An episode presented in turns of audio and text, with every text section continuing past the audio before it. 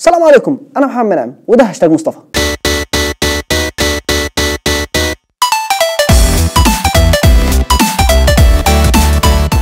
السلام عليكم ازيكم؟ عاملين إيه؟ تمام الحمد لله يا رب دايما. طبعا في ناس كتير مش عارفاني بس لو انت من 17 واحد اللي اتفرجتوا على الحلقات اللي فاتت يبقى الحمد لله هتعرفوني وهتفهموا الفكرة كويس.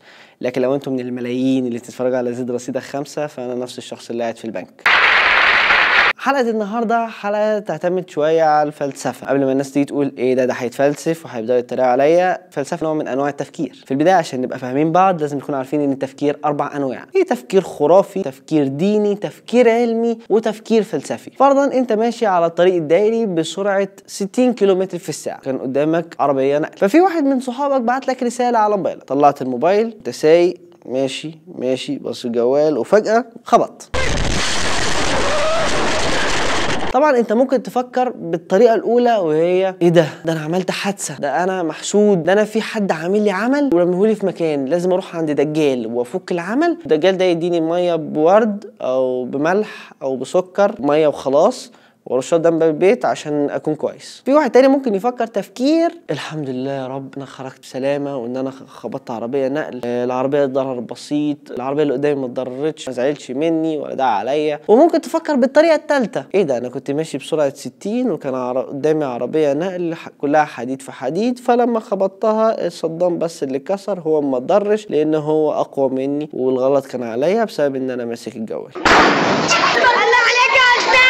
في بقى التفكير الفلسفي وده بيهتم يعني بالتفاصيل التفاصيل حتى التفاصيل اللي مش موجودة. يعني هو أنا إيه اللي مشاني في الشارع ده؟ طب أنا لو كنت مشيت في الشارع الموازي ليه؟ ما كنتش هعمل حادثة. طب أنا لو كنت خرجت خمس دقايق بدري؟ كان زماني وصلت وفتحت الرسالة وقريتها في المكان اللي أنا هوصل له بدون ما أعمل حادثة. ولو أنا كنت اتأخرت خمس دقايق كان ممكن أقراها عندي في البيت. وأنا كنت ليه أقرأ الرساله أساسا؟ وهكذا. طبعا لو بصينا في الأربع أنواع للتفكير كل واحد ليه ميزة. ما عدا التفكير الخرافي طبعا الميزة فيه هي بلح. يعني أنا لو رميت كل حاجة في بالي على التفكير الخرافي. كده مش هعرف أفكر. كل كلامي هيبقى عبارة عن أوهام وتخيلات وبرسمها للواقع وهي مش موجودة أساسا. لكن لو رميت تفكيري على التفكير الديني هيزيد إيماني بالله شوية وهحب ربنا. أما بقى التفكير العلمي هو تفكير بيخليك شغال بالنظريات العلمية. يعني يا الفيزياء يا الكيمياء والرياضيات. بس غير كده ما أعرفش. أما بقى التفكير الفلسفي هو تخصصه تفاصيل. هات لي تفاصيل كل حاجة. وإزاي ممكن أغير في التفاصيل دي؟ حتى لو تفاصيل موجودة أو مش موجودة أو تفاصيل تخيلية أو أنا شايفها قدامي وملموسه حتى من قوة الفلسفة هي أكتر حاجة أي عالم بيستخدمها علشان يبدأ في التفكير في نظرية تانية. يعني ابن سينا عمل كتاب في الفلسفة وعمل كتاب في الطب وأفلاطون عمل كتاب في الفلسفة وفي السياسة وفي الأدب. ده حتى أينشتاين محتارين ما بين هل هو فيلسوف ولا عالم بسبب طريقته في اكتشاف نظرية النسبية والزمكان والجاذبية وسرعة الضوء و و. كل ده بدأ بفلسفة. فمثلا من أقوى الأسئلة الفيلسوفية وفي ناس كتيرة لحد دلوقتي بتسأل نفسها أنا مين؟ أنا إزاي؟ وأنا ليه؟ أنا مش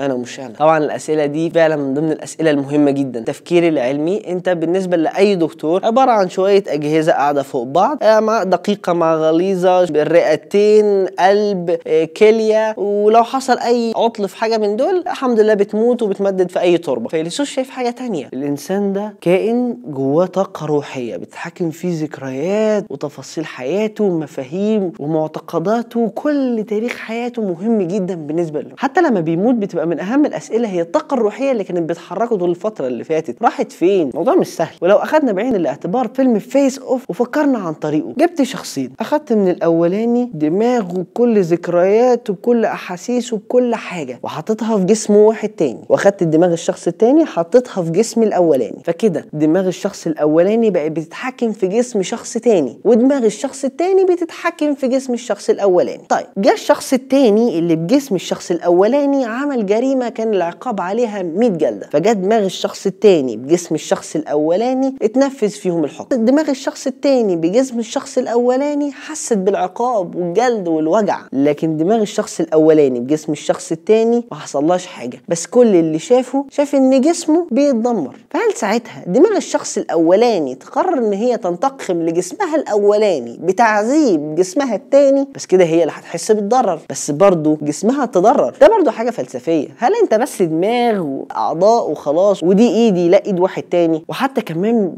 لو أنت ركزت في اعتقاداتك وتفكيرك هتحس إنك أنت بتتغير. يعني لو أنت قاعد على الفيسبوك أو تويتر ورجعت بال timeline بتاعك لورا ممكن أنت تتخانق مع نفسك وتقول إزاي الراجل ده بالدماغ دي؟ إيه الكائن ده؟ أنا ممكن أتفرج على الحلقات القديمة وأحس إن أنا كنت شخص تافه وكل معلوماتي تافهة. وعلى سبيل المثال وليس الدعايه أنت معاك عربية كورولا 2006 وقررت إنك تلف بيها العالم بطول خط الاستواء. أخدت اللفة كاملة ورجعت تاني للبلد. جه وزير الثقافة ووزير السياحة ووزير الإعلام والخارجية كلهم بيسقفوا لك برافو أنت مبدع رهيب. حلو اللي أنت عملته. وبعد كده قرروا ان هم يدوا لك جايزة ضخمة وياخدوا السيارة بتاعتك ويحطوها في متحف عالمي احتفالا بيها. وكل سنة قرروا ان هم يخرجوا السيارة بتاعتك في نفس اليوم اللي أنت رجعت فيه علشان يلففوها على البلدة كلها. والبلدة كلها تحتفل بالمهرجان ده. وتشوف إن سيارتك دي كانت أقوى سيارة في العالم قدرت تلف العالم كله وترجع تاني. بس بعد كام سنة والعربية عمالة تلف في كفر فرقع. فقرروا ان هم يجيبوا كفر تاني بس بنفس الماتيريال. هو هو. فيش فرق ما بين الاثنين بس ده كفر واتغير بكفر تاني. بعد كده بكام سنة قرروا ان هم يغيروا الفوانيس غيروا الشكمان غيروا غيروا غيروا غيروا. لحد ما بقت العربية كلها عربية تانية خالص. بس مش موجودة العربية الأولى. هم بقوا مقتنعين إن العربية الأولى هي هي. فإحنا كده بقى عندنا عربيتين. عربية A اللي أنت ركبت فيها ولفيت بيها العالم والعربية B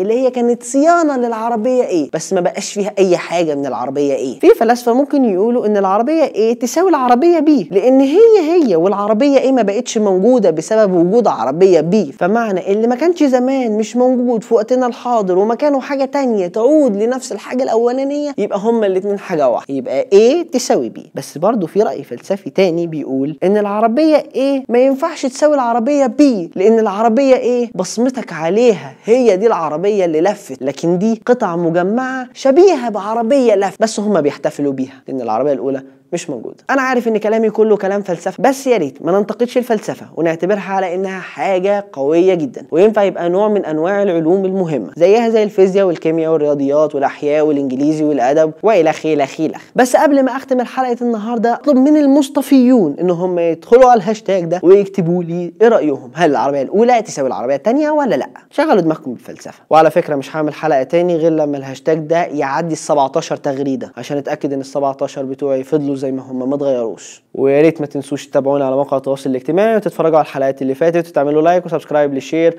وبلاش حسد وما تبعتش الفيديوهات لاصحابك. اصحابك من حقهم إن هم يتفرجوا على الحاجات اللي أنا بعملها. تبقاش نتن ياض. وانشر. شكرا.